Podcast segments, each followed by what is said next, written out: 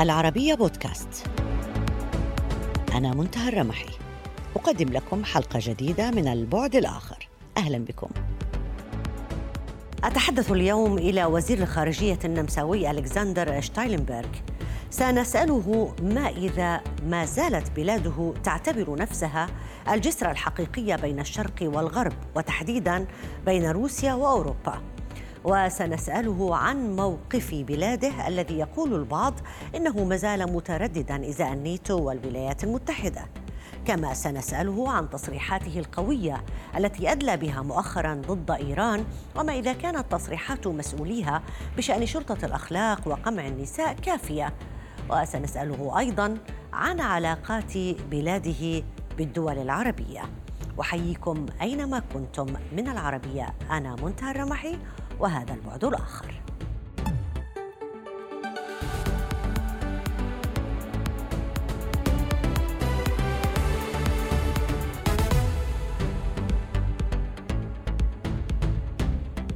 أهلا من جديد. عام 2017 كان إيرهارد بوسيك يشغل منصب نائب المستشار النمساوي. لفت الأنظار وقتها بسؤاله عما إذا كان من الوجاهة الاستمرار في اعتبار هوية النمسا تتمثل في كونها الجسر الحقيقي بين الشرق والغرب ما دام الشرق والغرب يتشاجران ولم يعد أحد يريد هذا الجسر. كان يشير بذلك إلى حالة الحياد العسكري وأتوقع أن تدفع النمسا يوما ما ثمن هذا الخطأ غاليا. للمفارقة أن بوسيك توفي في مارس بعد أسابيع فقط من بدء روسيا غزوها لأوكرانيا. لكن لو كان لا يزال على قيد الحياة هل كان بالتأكيد أحد الموقعين على رسالة مفتوحة نشرها خمسون نمساويا بارزا في مايو؟ وتتمثل الرسالة بأنها نداء قوي للقيادة السياسية في النمسا والمواطنين للتوقف أخيرا عن محاولة أن تكون البلاد جسرا بين الشرق والغرب وإنهاء اعتماد البلاد على روسيا فيما يتعلق بالطاقة والقطاعات الأخرى.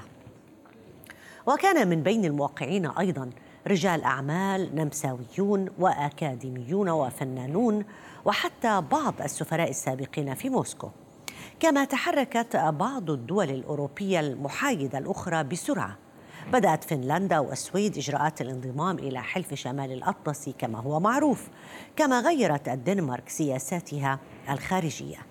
في النمسا يبدو الوضع حساسا أكثر والسبب حرب دامية في الثلاثينيات ثم إدارة الحلفاء البلاد بعد الحرب العالمية الثانية ومعاداة الولايات المتحدة ومن ثم بقاء الجيش الأحمر السوفيتي في البلاد حتى عام 1955 ثم مغادرته مقابل شرط وحيد وهو أن تظل البلاد محايدة تماما.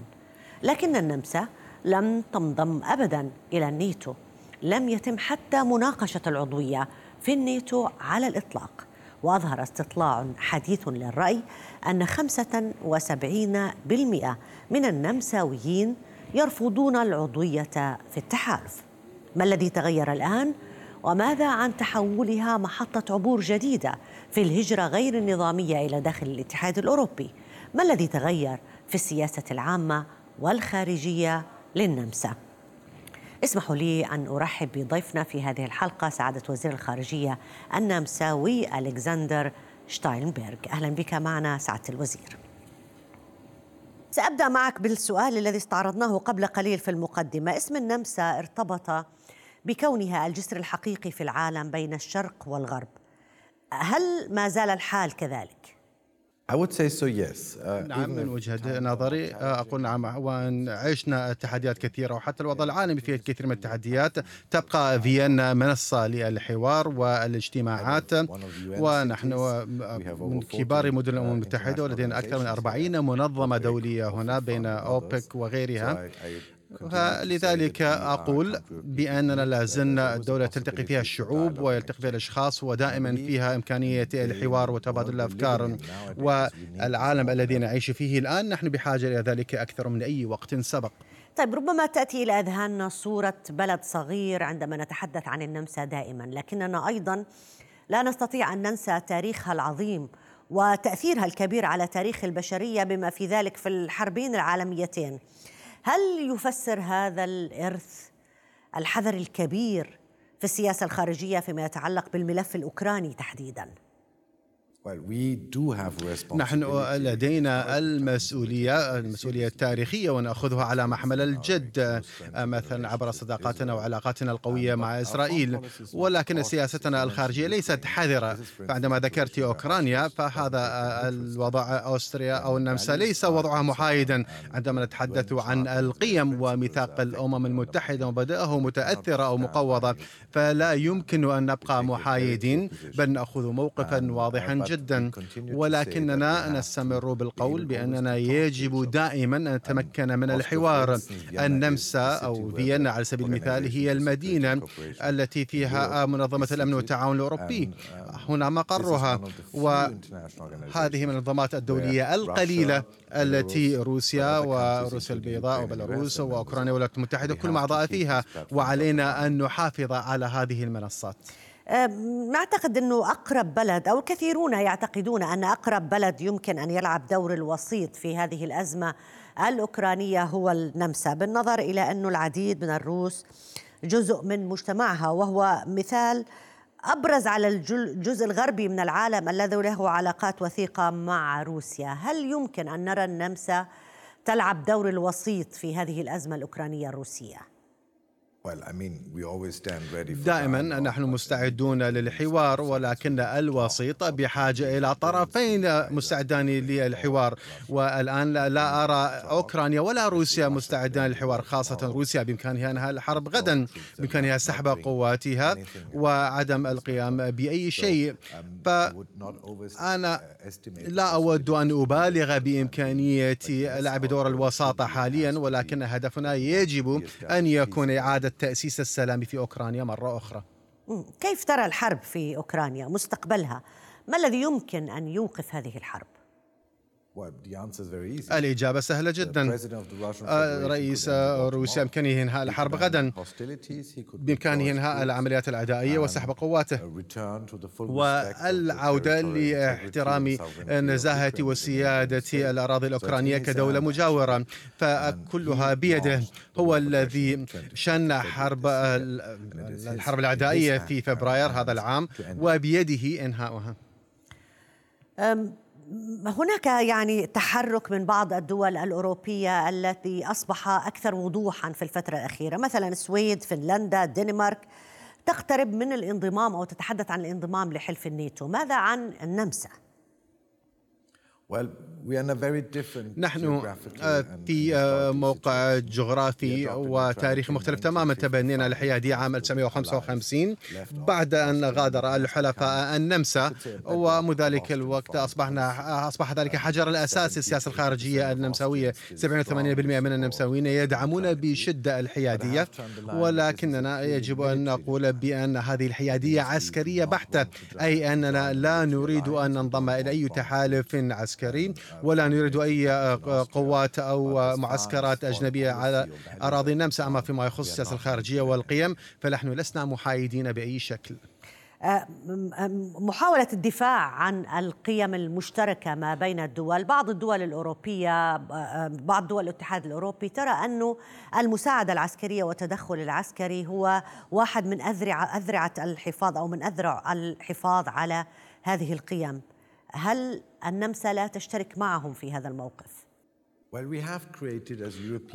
قمنا كاتحاد أوروبي الدول 27 والأعضاء أسسنا ما يسمناه بتسهيلات السلام ونحن نساعد بذلك آه، أوكرانيا ولكن محقا لسنا من تلك الدول التي تقدم الأسلحة والمعدات الفتاكة لأوكرانيا بما أننا حياديين فقانونا ليس مسموح لنا القيام بذلك ولكننا نقدم مزيد من المساعدات الإنسانية فكلها جزء من هذه العملية. الدولية نحن جزء من هذه السياسة وندعمها.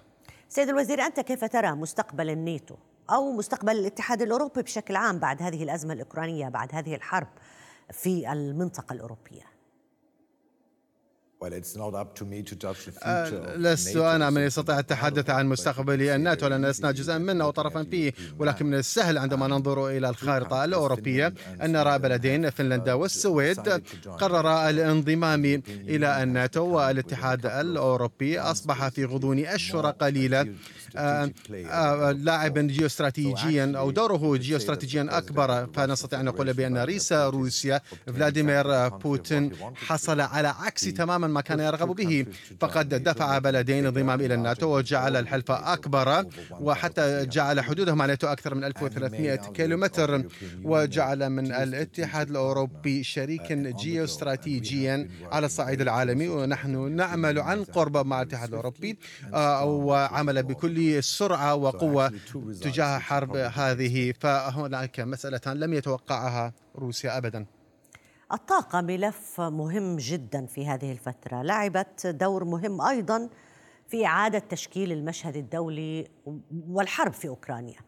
النمسا هي واحدة من البلدان المعنية مباشرة بهذا الملف. هل هناك سياسة جديدة تجاه هذا الموضوع؟ في الحقيقة هذه من الخصائص الصادمة لهذه الحرب لأن موسكو آه، مضت بتسليح الطاقة والطعام والنمسا من تلك الدول ولدينا علاقات طويلة فيما يخص التعاون الطاقة مع روسيا منذ عام 1968 لدينا عقود مع شركات مثل غازبروم لتزويدنا بالغاز ونعم لدينا درجة اعتماد عالية جدا 80% من الغاز من روسيا. أما الآن فقد خفضنا تلك النسبة إلى 20% ونقوم بتنويع مصادر الطاقة نبحث عن النرويج ودول الخليج. واكتشفنا وبشكل صعب جدا لأنه ليس من الحكمة أن نعتمد على مصدر واحد فقط.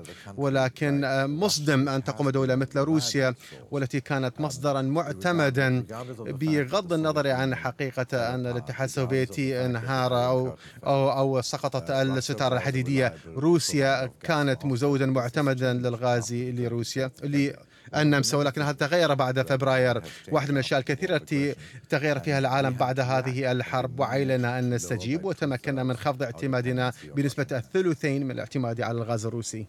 رأينا تصريحات قوية منك شخصيا عن إيران ورأيت أنت أن مسيرات إيران التي ساهمت ساهمت في تأزيم الوضع هناك. لو نعود إلى تلك التصريحات قليلا وتحدث عن دور إيران في بقية الدول وخاصة دول الشرق الأوسط وأنت كنت أشرت قبل قليل لدول الخليج في في في موضوع الطاقة. تماما. يجب أن يكون موقفنا واضحا جدا في هذا الخصوص وعلى إيران أن تعترف بعد أن أوكرانيا في البداية. يجب أن تعترف بأن المسيرات الإيرانية تستخدمها روسيا في أوكرانيا وهذه المسيرات تستخدم لارتكاب جرائم حرب فأعتقد بأن الاتحاد الأوروبي كان محققا تماما في فرض العقوبات. وفي الأسبوع المقبل وزراء الخارجية الاتحاد الأوروبي سيلتقون مرة أخرى في بروكسل وسيوسعون يمنعون العقوبات. ولكن فيما يخص العلاقات لا يمكن أن ننظر فقط إلى الحقائق إيصال أو تزويد روسيا بالمسيرات. فنحن نشهد أيضا عمليات قمع مقلقة جدا ضد التظاهرات وتظاهر الشعب الإيراني الدموية النظام الإيراني تجاه شعبه. وهنا مرة أخرى يجب أن يكون موقفنا موقفنا واضحا جدا وعلينا فرض العقوبات الاتحاد الأوروبي يطالب بتحقيقات شفافة وكنا داعمين لمفوضية تحقيقات في مجلس حقوق الإنسان في الأمم المتحدة. فنعم لدينا تغيير فيما يخص سياساتنا تجاه إيران وأنا أسف ذلك لأن النمسا كانت تجمعها علاقات قوية ومقربة وطويلة الأمد مع إيران لم نغلق ثقافة مركزنا الثقافي أو سفارتنا في طهران. حتى في الأوقات الصعبة. وفيينا لطالما كانت المكان الذي حصلت فيها المفاوضات النووية. لذلك أنا حزين للغاية لأننا يجب أن نأخذ منعطفا حادا في سياساتنا تجاه إيران بسبب الأعمال التي تقوم بها طهران ردود الفعل الأوروبية والدولية الحقيقة فيما يتعلق بإيران بعيدا عن المسيرات التي تستخدم في الحرب في أوكرانيا إنما فيما ذكرته من الوضع الداخلي الإيراني هذه الانتفاضات والاحتجاجات وهذا القمع من قبل النظام الإيراني كيف تنظر إليها؟ هل هي مساوية للحدث؟ هل هي بحجم هذه الأزمة داخل إيران؟ يجب أن نميز الوضع في أوكرانيا يشمل دولة تغزو دولة مجاورة ونستطيع أن نقارن ذلك مثلا بصدام حسين وغزوه للكويت ما نشهده في إيران الآن هو انتفاضة داخلية يرغبون بالتعبير عن أصواتهم بحرية ويرغبون بتغيير السياسات والمقلق جدا درجة دموية النظام التي واجه بها هؤلاء المتظاهرين. وهنا من وجهة نظري يجب أن يكون موقفنا واضحا جدا كاتحاد أوروبي. ولكن الأمر يختلف تماما عن الحرب العداء التي أطلقتها روسيا ضد دولة مجاورة. آه، طيب بالحديث عن أوروبا بشكل عام يعني ومواقف الأوروبية في جدل مؤخرا اندلع فيما يتعلق بعملية عضوية الاتحاد الأوروبي خاصة بعد تصريحات كنت قد أدليت بها. هل يمكنك توضيح المزيد عن رؤيتك من حيث الانضمام للاتحاد الأوروبي؟ أعتقد أن دول غرب البلقان مقربة جدا منا يجب تعرف بأن فيينا. تقع في وسط هذه القارة. أوكرانيا بعد 500 كيلومتر فقط من عندنا بضع ساعات بالسيارة. وكذلك البوسنة والهرسك ومنطقة غرب البلقان بأكملها. فبالنسبة لنا هذه المنطقة ليست باحة أوروبا الخلفية بل محاطة بدول الاتحاد الأوروبي. وهي من وجهة نظرنا سيكتمل اندماجنا من دون عضويتها الكاملة في الاتحاد الأوروبي والتاريخ أظهر مرارا وتكرارا بأنه لا يوجد يمكن أن يكون هناك استقرار دائم في وسط أوروبا إذا لم يكن هنالك استقرار وأمن دائم في جنوب شرق أوروبا في البلقان. فمن مصلحتنا أن نضمهم إلى الاتحاد الأوروبي. أما فيما يخص مسألة تركيا التي ذكرتيها هنا المسألة مختلفة قليلا. نعم تركيا دولة مرشحة. ونعم فتحنا مفاوضات الانضمام. وفي الحقيقة فتحناها خلال رئاستنا عندما كانت النمسا رئيسة للاتحاد الأوروبي في عام 2006 ولكن الآن قمنا بتجميدها لأن تركيا للأسف في عدة أصعدة مثل حرية الإعلام حقوق الإنسان وحكم القانون ابتعدت عن الاتحاد الأوروبي بدلا من الاقتراب منه. ولهذا فإن الدول الأعضاء 27 قرروا قبل بضعة أعوام تجميد مفاوضات انضمام تركيا للوقت الراهن. طيب مرة أخرى أريد أن أعود معك لمناقشة العلاقات مع الخليج. أولا كيف تقوم بتقييم العلاقات الآن؟ ذكرت علاقات اقتصادية مع الإمارات تحديدا. لكن هل هناك خطة لتطوير هذه العلاقات مع مراعاة التغييرات الجديدة في العالم؟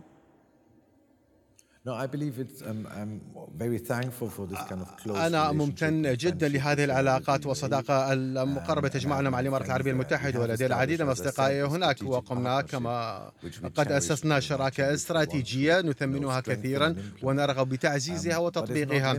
ولكنها ليست محصورة فقط بالإمارات العربية المتحدة. فنحن لدينا علاقات مع المملكة العربية السعودية وكذلك قطر ودول أخرى. وأعتقد بأن منطقة الخليج دورها ركيزي وهام جدا على الصعيد الامني والاقتصادي والطاقة. النمسا لطالما جمعتها علاقات ودوده وصديقة بهم لأننا من الدول الأوروبية القليلة التي ليس لديها أي ماضي استعماري. ولطالما آه، خاصه في القرون القليلة الماضية دائما كانت تجمعنا علاقات ثقة ومقاربة الدول العربيه وأتمنى أن نستمر بذلك للمستقبل. يثير اسم النمسا بين السياح الخليجيين والسياح العرب الكثير من الرفاهية والأصالة والثقافة والذوق الرفيع الحقيقة والتراث الثقافي الكبير. بس بالسنوات الأخيرة مع ظهور بعض الطيارات الأصولية في أجزاء كثيرة من العالم كانت النمسا أيضا مشهد للقضايا المثيرة للجدل. ما هو موقفك من ظهور التيارات القومية؟ وألا ألا يعتبر ظهور هذه التيارات يعني يؤثر بشكل أو بآخر على مسألة التسامح؟ كلا لا أرى ذلك أبدا أن مسوى فيينا بالتحديد كان ما طالت الدولة هجرة الشعب النمساوي مكون من أشخاص هاجروا لهذه البلاد خلال عدة قرون والقومية دائما أسلوب لتقديم إجابات أسهل لمشاكل معقدة والإجابات دائما تكون خاطئة. فأنا لا أبالغ في ذلك وبالتأكيد السياحة مهمة جدا لبلادنا والسياحة من الدول العربية العربية دائما مرحب بها.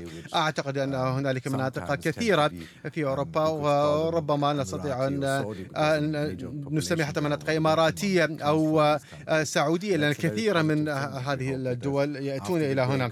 ولكن بعد الجائحة أرغمنا على بقائي في منازلنا وكان بالتأكيد له أثر كبير على السياحة ونتمنى أن تعود السياحة وأعداد زائري النمسا تزداد مرة أخرى.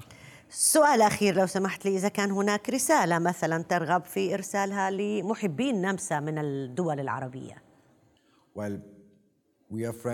نحن أصدقاء وأصدقاء موثوقين وسنبقى ذلك. ودائما مرحب بكم. تعالوا لزيارتنا وتعرفوا على جمال هذه البلاد. استمتعوا بالموسيقى والجبال والثلج أو تعالوا في الصيف لرؤية الفنون أو المناطق الجميلة هنا.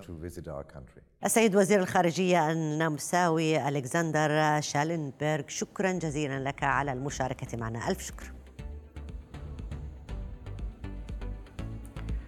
وإلى هنا انتهت حلقة اليوم من البعد الآخر. يمكنكم دائما متابعتنا على مواقع التواصل الاجتماعي تويتر فيسبوك ويوتيوب. كما يمكنكم الاستماع إلى حلقتنا على العربية بودكاست. إلى اللقاء.